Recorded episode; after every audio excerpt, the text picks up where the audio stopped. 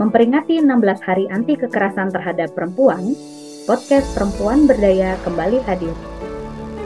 Dalam series 16 HKTP ini, kami akan mengajak teman-teman semua untuk mengenal sejarah dan memahami situasi perempuan agar kita dapat bergerak bersama, mencegah kekerasan, dan mengutamakan perlindungan. Selamat mendengarkan. Saat mendengarkan podcast ini kamu merasa tidak nyaman, silahkan meninggalkan podcast ini dan kembali lagi saat kamu merasa jauh lebih baik. Terima kasih dan selamat mendengarkan. Oke, selamat bergabung lagi di podcast Perempuan Berdaya, teman-teman pendengar semua. Kali ini kita sudah bersama dengan Mbak Purwanti. Nah, Mbak Purwanti ini salah satu uh, teman-teman dari IP juga yang melakukan banyak sekali kerja-kerja baik. Kita sapa Mbak Purwanti dulu ya. Halo Mbak Purwanti, selamat siang. Selamat siang. Nah, bagaimana kabarnya Mbak Pur? Alhamdulillah baik dan sehat.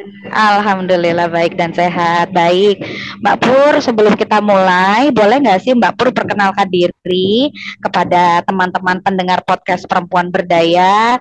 Mbak Pur nih kesibukannya sekarang apa? Lalu juga mungkin bisa menceritakan apa sih uh, Yayasan Sigap itu? Silakan Mbak Pur. Ya, terima kasih. Saya Purwanti. Saya sering dipanggil Ipung.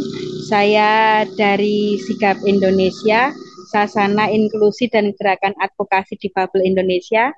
Saya sebagai koordinator advokasi dan jaringan dan selama ini melakukan pendampingan bagi kawan uh, disabilitas yang berada ada uh, perempuan lah yang utamanya menjadi korban.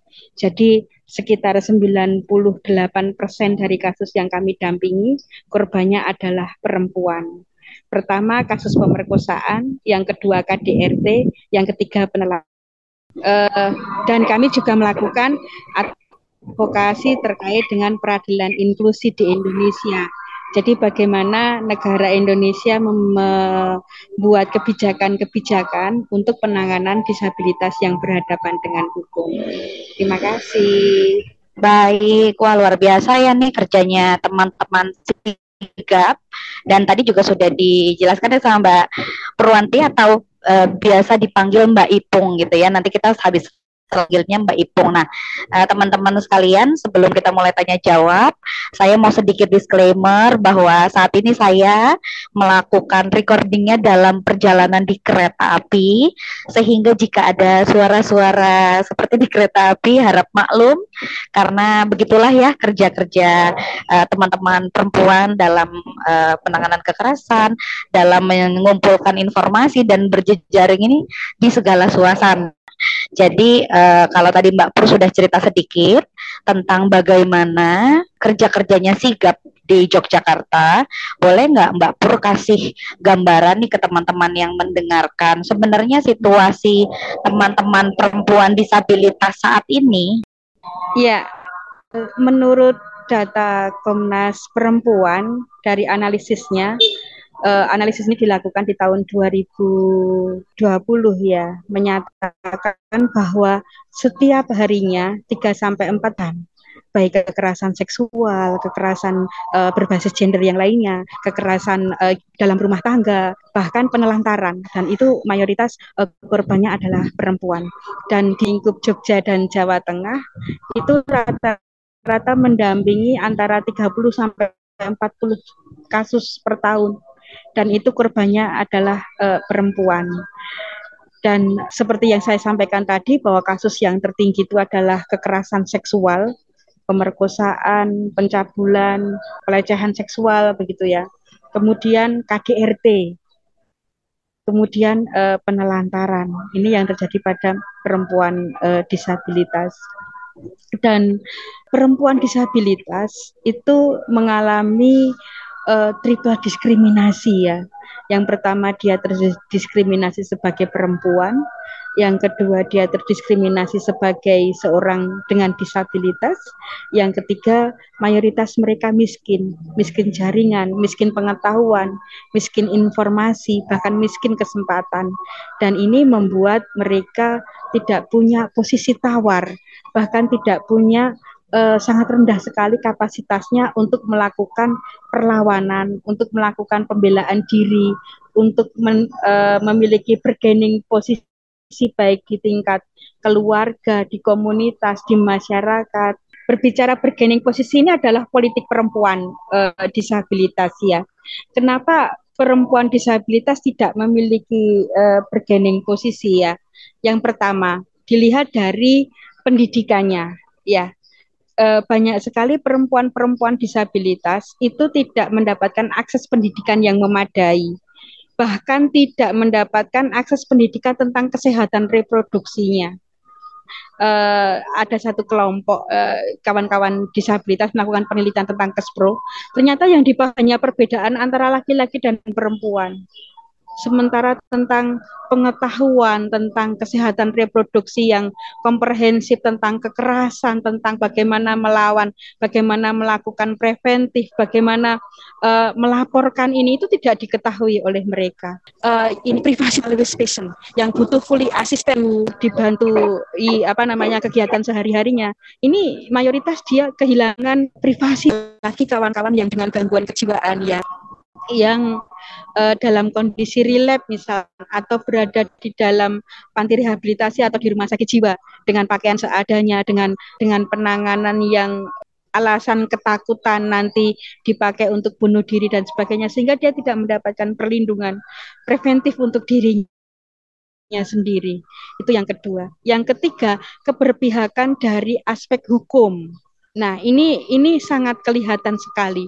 Karena kawan-kawan disabilitas ini berada pada kapasitas e, masyarakat yang tidak cakap hukum kalau kita lihat di dalam hukum perdata kita, embisil, debisil, mata gelap dan gangguan kejiwaan berada di bawah kemam, uh, di bawah pengampuan. Nah, siapakah mereka? Embisil, debisil menyebut dia yang dengan disabilitas intelektual. Mata gelap, lah ini ada kontroversi. Apakah yang dimaksud dengan emosi yang meledak-ledak? Padahal kalau menurut tata bahasa kita, emosi yang meledak-ledak itu gelap mata. Nah, mata gelap itu di, kemudian didefinisikan se, uh, seorang disabilitas dengan uh, disabilitas netra. Nah, kemudian orang dengan gangguan kejiwaan ini otomatis akan uh, fokus pada kawan-kawan kami yang disabilitas mental. Nah, jadi varian disabilitas ada di sini. Kemudian uh, terkait dengan penetapan tidak cakap hukum. Ya, orang yang berada di bawah pengampuan adalah orang-orang yang tidak memiliki kapasitas hukum. Nah, ini ini ini tantangan besar bagi kawan-kawan disabilitas. Ketika seseorang ditetapkan di bawah pengampuan atau dianggap sebagai orang yang tidak cakap hukum, dia tidak bisa mengambil keputusan untuk dirinya sendiri, tidak bisa uh, apa namanya uh, mengambil tindakan untuk dirinya sendiri. Nah, sehingga proses hukum pun dia akan kalah karena ini adalah pengampunya atau walinya. Nah, ini banyak sekali kasusnya. Seperti contohnya, kita tidak bisa menolak terkait dengan uh, perawatan. Misalkan harus diopname di rumah sakit jiwa apa itu kan keputusan ada di keluarganya ya bukan bukan di kita gitu. Kemudian terkait dengan uh, warisan gitu. Nah ini bisa terjadi peng pengalihan pemilik ini. Karena pengelolaannya kemudian semuanya diserahkan oleh pengampu. Dan tidak kemudian ada mekanisme monitoringnya. Mekanisme untuk penjaminan apakah terjadi penelantaran atau tidak begitu. Sementara ketika seseorang sudah ditetapkan di bawah pengampuan atau di dalam Undang-Undang Nomor 8 itu kemudian disebut eh, ditetapkan sebagai orang yang tidak cakap hukum, ini ketika dia mau melawan itu, melakukan protes terkait itu, melakukan gugatan seperti itu, itu tidak bisa Bahkan di dalam hukum perdata kita itu menyebutkan bahwa ketika perjanjian yang dilakukan oleh seseorang sebelum dia itu ditetapkan di bawah pengampuan bisa dibatalkan demi hukum. Nah, padahal banyak hal itu tidak bisa berjalan tanpa ada uh, tanpa ada ini ya kepastian hukum. Misalkan menjadi seorang saksi atau korban yang bersaksi di pengadilan terkait dengan kekerasan yang terjadi pada dirinya. Ini pasti ada ada ada dilakukan apa namanya sumpah. Nah, bagaimana orang yang tidak cakap hukum kemudian melakukan sumpah? Nah, ini ini pertanyaan besar.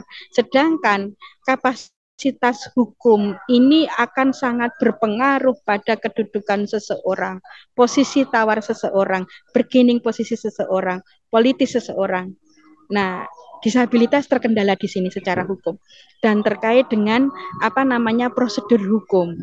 Nah, ini kemudian bagaimana seorang disabilitas bisa berproses di dalam peradilan, bagaimana akomodasi yang layaknya, bagaimana aksesibilitasnya, bagaimana pendampingan bantuan hukumnya. Sedangkan akses untuk bantuan hukum di negara kita masih terkendala pada harus dengan syarat miskin secara ekonomi. Disabilitas belum menjadi varian di sana, perempuan belum menjadi varian di sana. Sedangkan banyak hal tidak bisa kemudian dijustifikasi dengan persyaratan surat keterangan miskin atau miskin secara ekonomi. Kerentanan aspek hukum berbeda dengan kerentanan secara ekonomi. Ini yang harus direfleksikan bersama. Baik, Mbak Ipung, terima kasih banyak atas penjelasannya ini. Baik, Bung, terima kasih banyak. Saya jadi mendapatkan uh, banyak sekali informasi baru dan tentunya kita semua yang mendengarkan uh, harusnya bisa berpikir bahwa ternyata ada sahabat-sahabat kita, teman-teman perempuan disabilitas yang memang hidup bukan hanya dalam ketidakadilan, tapi kondisi disabilitasnya dan minimnya dukungan baik dari negara maupun kelompok masyarakat itu menjadi membuat mereka lebih rentan pada segala bentuk uh, kekerasan, kemudian tadi ya ketidakadilan dan juga bentuk-bentuk kemiskinan lainnya. Dan sayangnya pada saat ketidakadilan itu terjadi uh, atau kekerasan itu terjadi, itu kompleksitas penyelesaian atau penanganan persoalannya pun menjadi lebih bertambah besar karena memang ternyata di Indonesia tadi Mbak Ipung sebutnya pengampu begitu ya atau wali yang belum tentu orang tua atau kemudian uh, belum tentu anggota keluarga gitu ya uh, itu juga mereka tidak punya kecakapan apa ya namanya atau sensitivitas gitu untuk kemudian berfokus pada bagaimana membantu teman-teman perempuan disabilitas yang menjadi korban. Sayang banget ya jadi kemungkinan besar kalaupun mendapatkan dukungan penanganan pun ada kemungkinan bisa ada apa ya kayak mungkin dimain-mainin atau bahkan uh, petugas hukum kita juga mungkin tidak punya cukup apa ya namanya kemampuan untuk memahami dan menyesuaikan diri atau beradaptasi dengan kebutuhan-kebutuhan teman-teman disabilitas nih. Mbak Ibu makasih banget udah sharing sama kita terkait situasi ini. Saya mau lanjut ke pertanyaan selanjutnya ya Mbak. Setelah kita bicara soal situasi, kemudian tantangan-tantangan, ini kemudian uh, tadi Mbak Ibu sebenarnya sudah sedikit kasih bocoran-bocoran ya. Boleh nggak sih Mbak diceritain secara lebih detail apa sih perannya teman-teman sigap gitu ya? Khususnya karena wilayah kerjanya di area Yogyakarta dan Jawa Tengah gitu ya. Seperti apa peran teman-teman untuk menjawab tantangan perempuan uh, disabilitas di Indonesia? Silakan Mbak Ipung. Ya terima kasih. Nah uh, saat ini kami uh, yang pertama kami membangun Eh, kelompok-kelompok kami untuk memahami tentang persoalan eh, perempuan disabilitas dan hukum. Dan sekarang sudah mulai nih ada pendidikan paralegal di komunitas kami, bagaimana membangun jaringan untuk melakukan advokasi hukum, bagaimana melakukan pendampingan pada disabilitas yang berhadapan dengan hukum, itu yang pertama.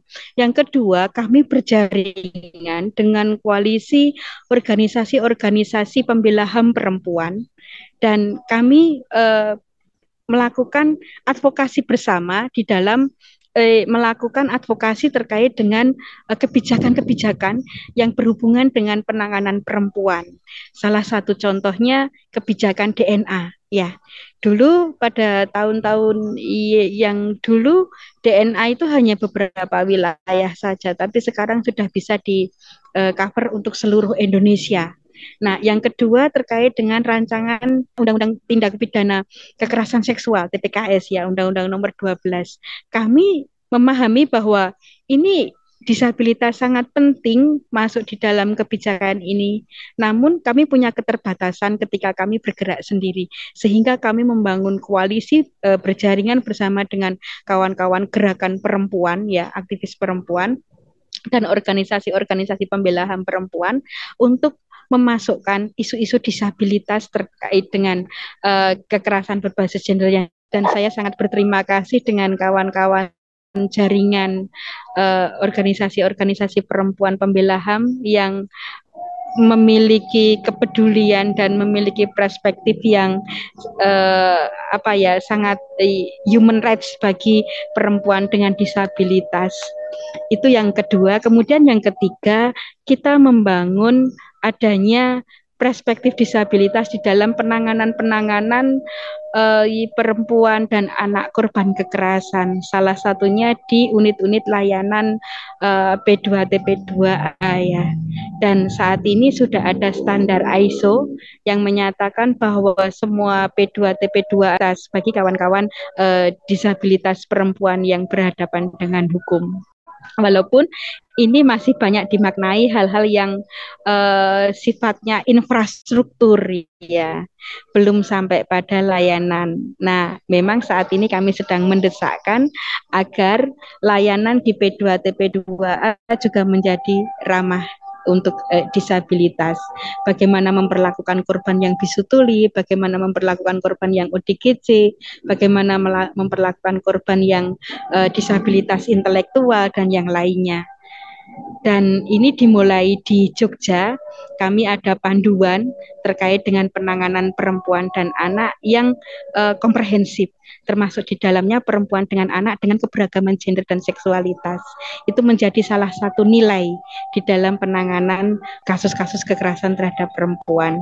Ada perspektif disabilitas, ada perspektif perempuan, ada perspektif keragaman gender dan seksualitas, ada pre, ada perspektif kerentanan uh, misalkan kemiskinan, kemudian kekerasan struktural seperti itu juga menjadi uh, apa ya titik poin untuk nilai-nilai yang harus yang harus diberikan perlindungan bagi penanganan perempuan dan anak korban kekerasan. Terima kasih banyak. Ini ya itu tadi ya kerjanya luar biasa sekali kawan-kawan sigap karena bukan hanya bicara soal peningkatan kapasitas atau kemudian membantu teman-teman disabilitas perempuan untuk tadi ya mendapatkan uh, informasi tentang apa yang penting bagi dirinya, tapi juga upaya-upaya perlindungan hukum. Juga kemudian uh, dorongan supaya teman-teman networking atau jejaring di gerakan perempuan juga bisa memiliki kepekaan yang sama. Nah, ini ma masuk nih Mbak Ipung sama pertanyaanku selanjutnya nih. Bicara soal sensitivitas atau kepekaan uh, atau sisterhoodnya kita nih teman-teman di jejaring di gerakan perempuan itu apakah kita sudah cukup sensitif Mbak Ipung atau belum atau sebenarnya kita harusnya melakukan apa dalam bentuk dukungan begitu ya untuk teman-teman perempuan disabilitas tuh apa yang bisa kita lakukan gitu. Apakah kita sudah cukup hadir buat teman-teman?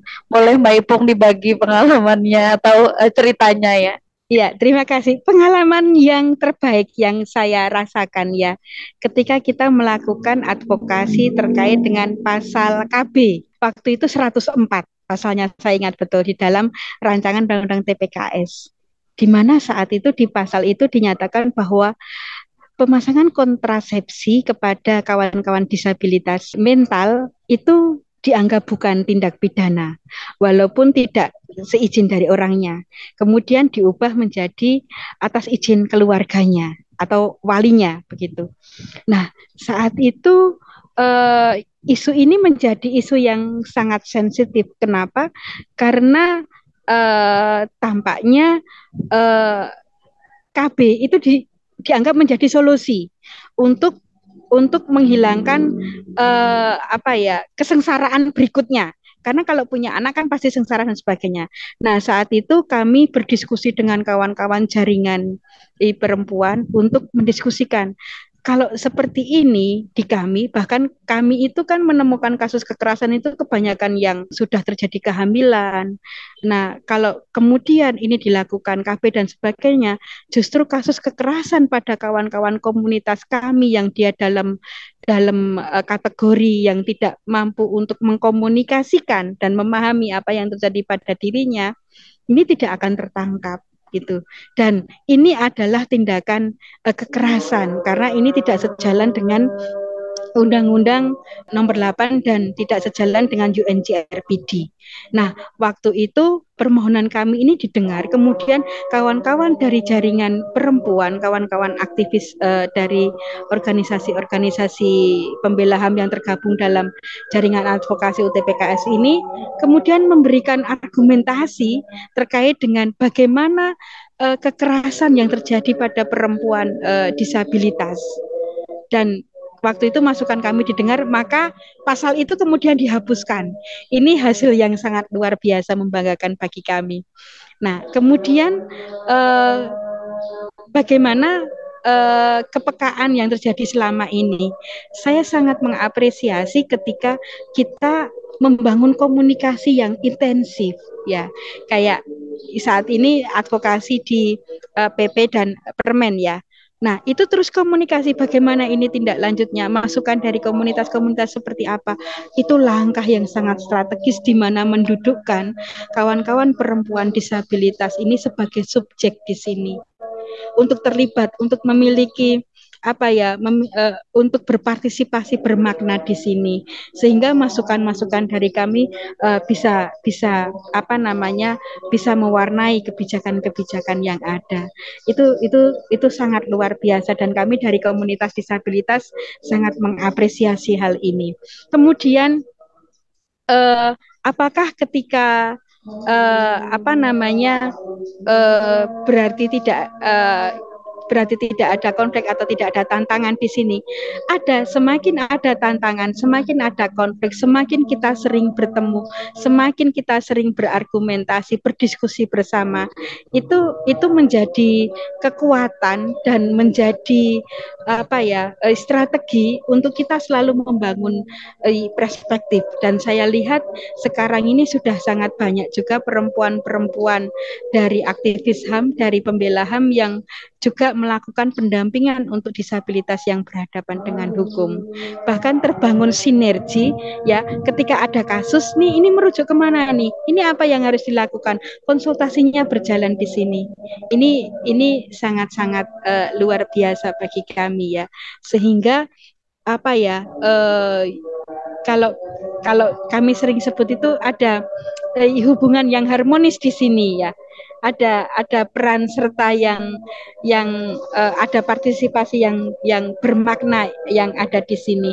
Karena uh, pengalaman kami pendampingan kasus untuk disabilitas yang berhadapan dengan hukum setidaknya satu itu ada pendamping hukum kemudian yang kedua ada uh, pendamping disabilitas dan atau penerjemah di sini kemudian ada uh, ahli di sini dan pendamping hukum, kemudian ahli di sini, kita biasanya menemukan di luar e, disabilitas ya, yang menjelaskan terkait dengan dampak kekerasan, yang menjelaskan terkait dengan aspek hukum dan sebagainya.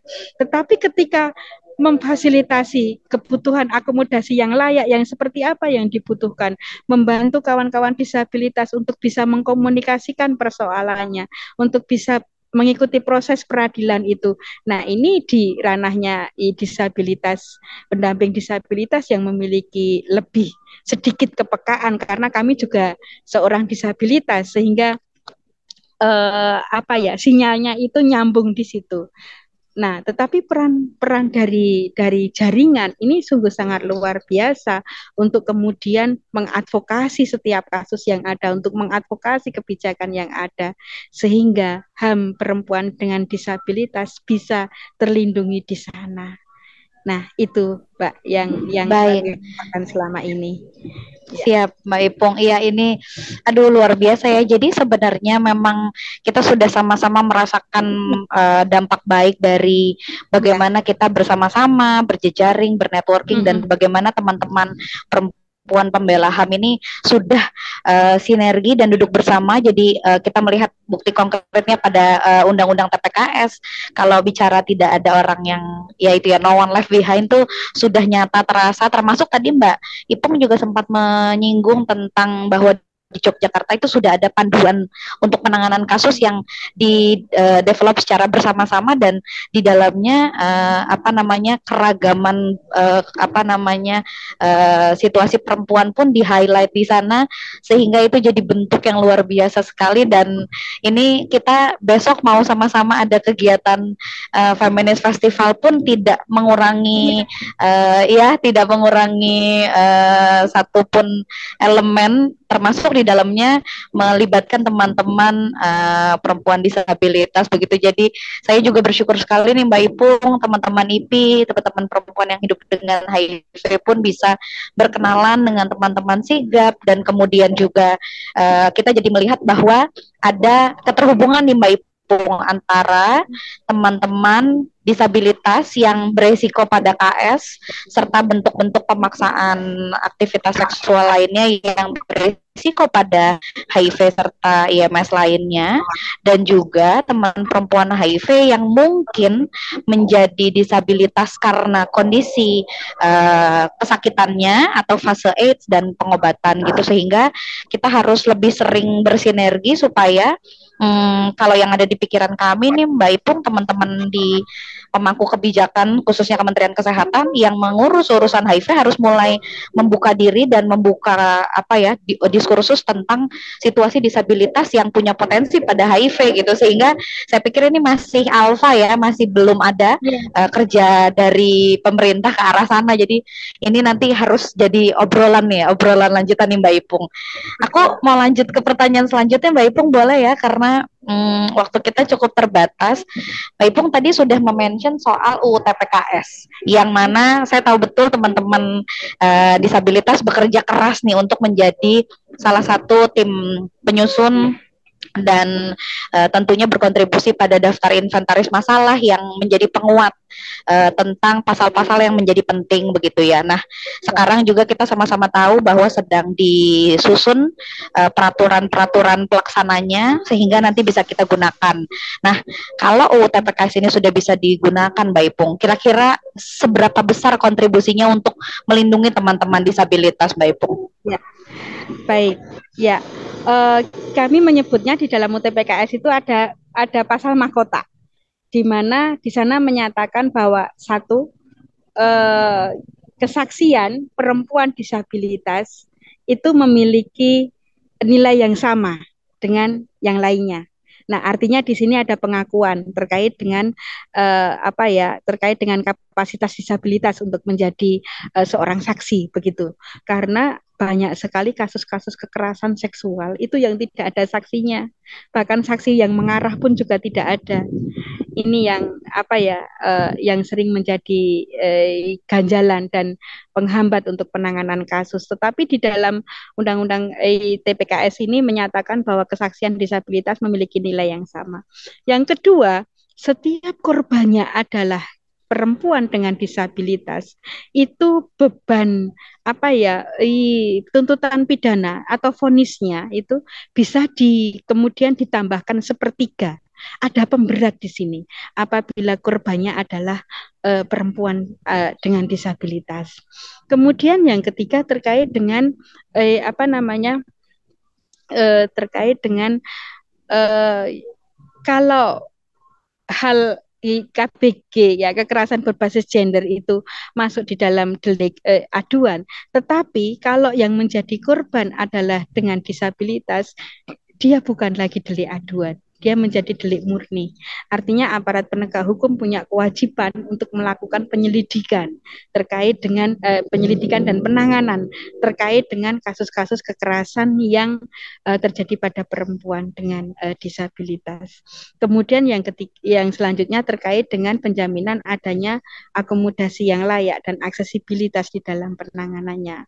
Nah, ini ini sesuatu yang sangat uh, apa ya yang uh, menarik ya di mana ini me, me, menggarisbawahi atau meng-highlight terkait dengan aksesibilitas dan akomodasi yang layak bagi perempuan dengan disabilitas yang berhadapan dengan hukum.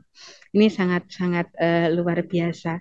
Nah, beberapa kasus yang uh, pasca apa namanya kasus kekera, uh, undang-undang TPKS ini disahkan, kemudian uh, menjadi rujukan. Jadi untuk untuk uh, beberapa kasus yang kami dampingi setelah undang-undang ini disahkan, selain ada uh, KUHAP ya pasal dakwaan dari KUHAP, kemudian ada rujukan di undang-undang TPKS kayak begitu. Nah ini menjadi menjadi kekuatan juga.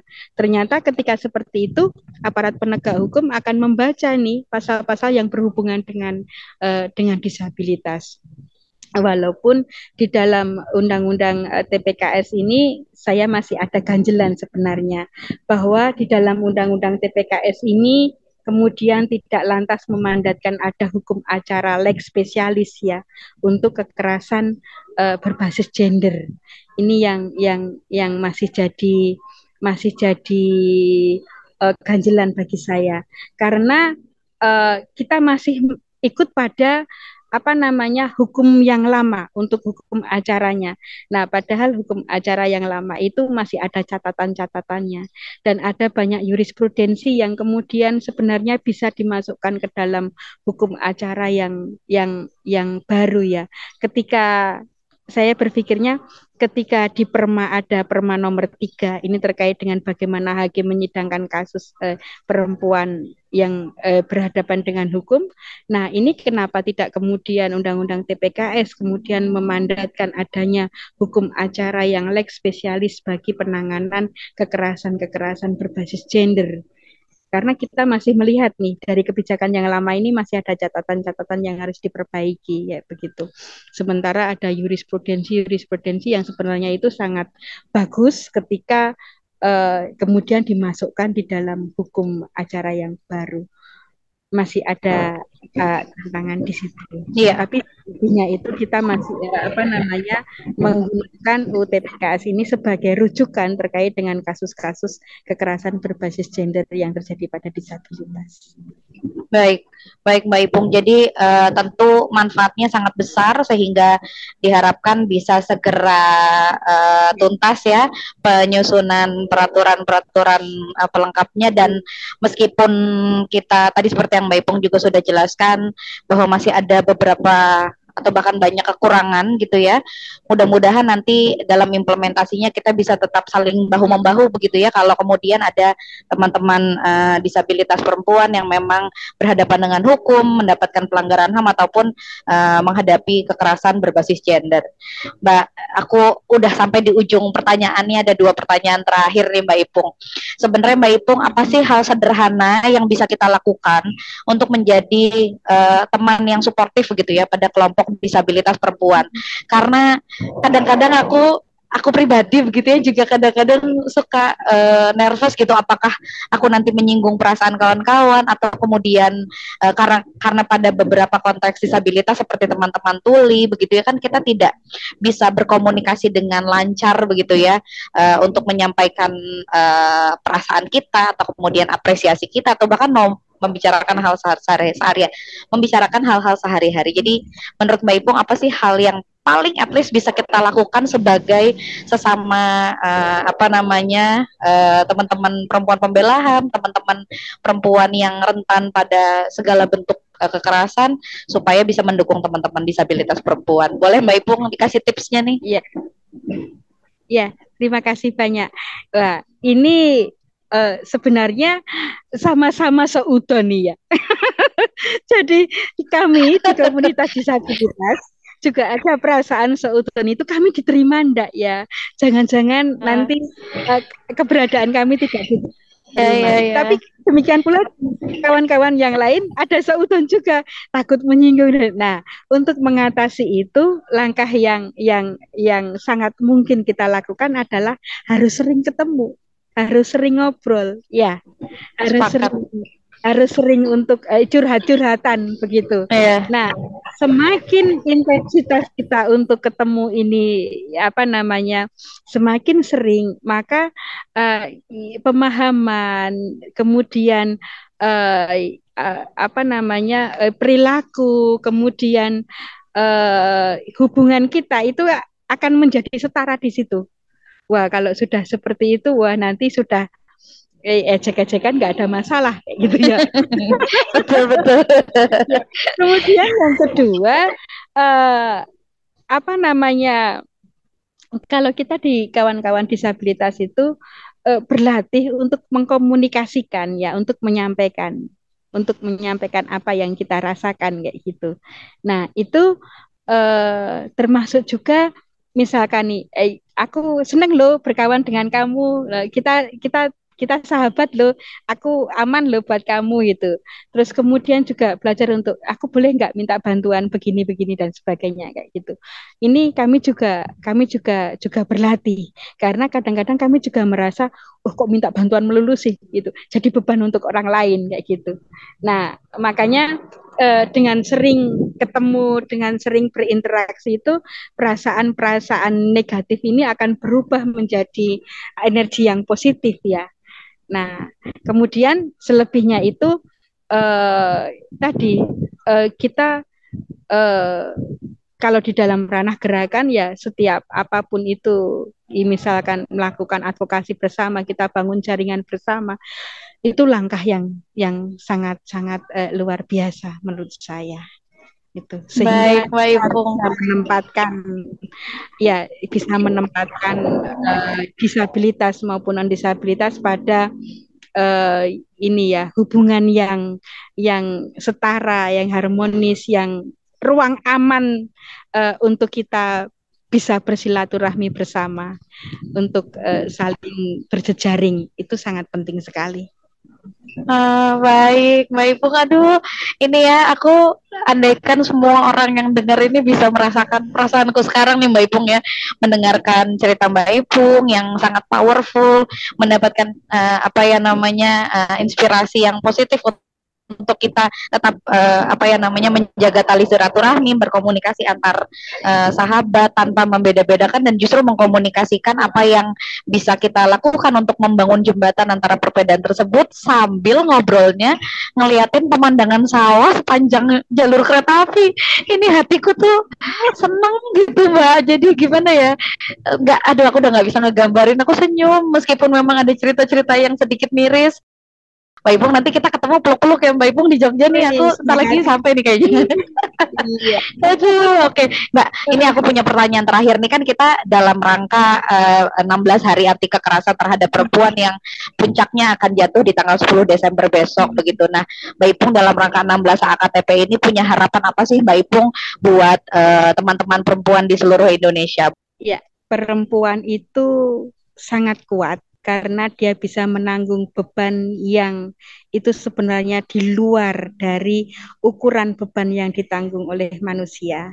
Satu, yang kedua, perempuan itu punya jiwa, punya hati yang sangat uh, luar biasa luasnya, sehingga dia bisa menampung segala beban, segala keluh, segala uh, penderitaannya dan tetap tersenyum untuk orang lain apalagi untuk keluarganya. Bahkan perempuan bisa berkorban untuk eh, dirinya sendiri untuk keselamatan keluarganya untuk anak-anaknya untuk cintanya bahkan untuk eh, negaranya dia bisa melakukan itu.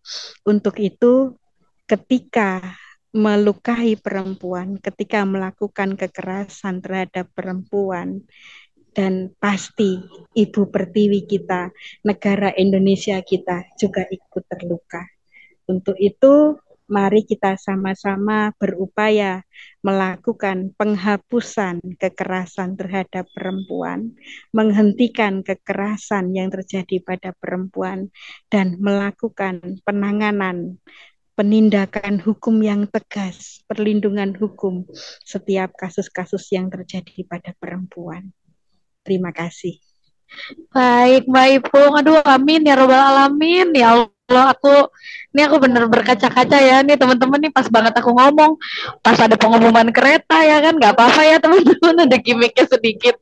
Terima kasih banyak Mbak Ipung atas obrolan singkat kita uh, siang hari ini. Dan mungkin tentunya didengarkan oleh teman-teman di seluruh Indonesia kapan pun ya. Ada pagi siang sore malam. Mudah-mudahan menjadi manfaat. Dan ini adalah akhir dari obrolan podcast kita dengan Mbak Ipung. Semoga tentunya menjadi manfaat. Dan uh, salam 16 hari anti kekerasan terhadap perempuan. Semoga teman-teman perempuan di Indonesia mendapatkan uh, keadilan dan juga perlindungan dan juga uh, kehidupan yang jauh lebih baik gitu. Mbak Ipung terima kasih banyak ya.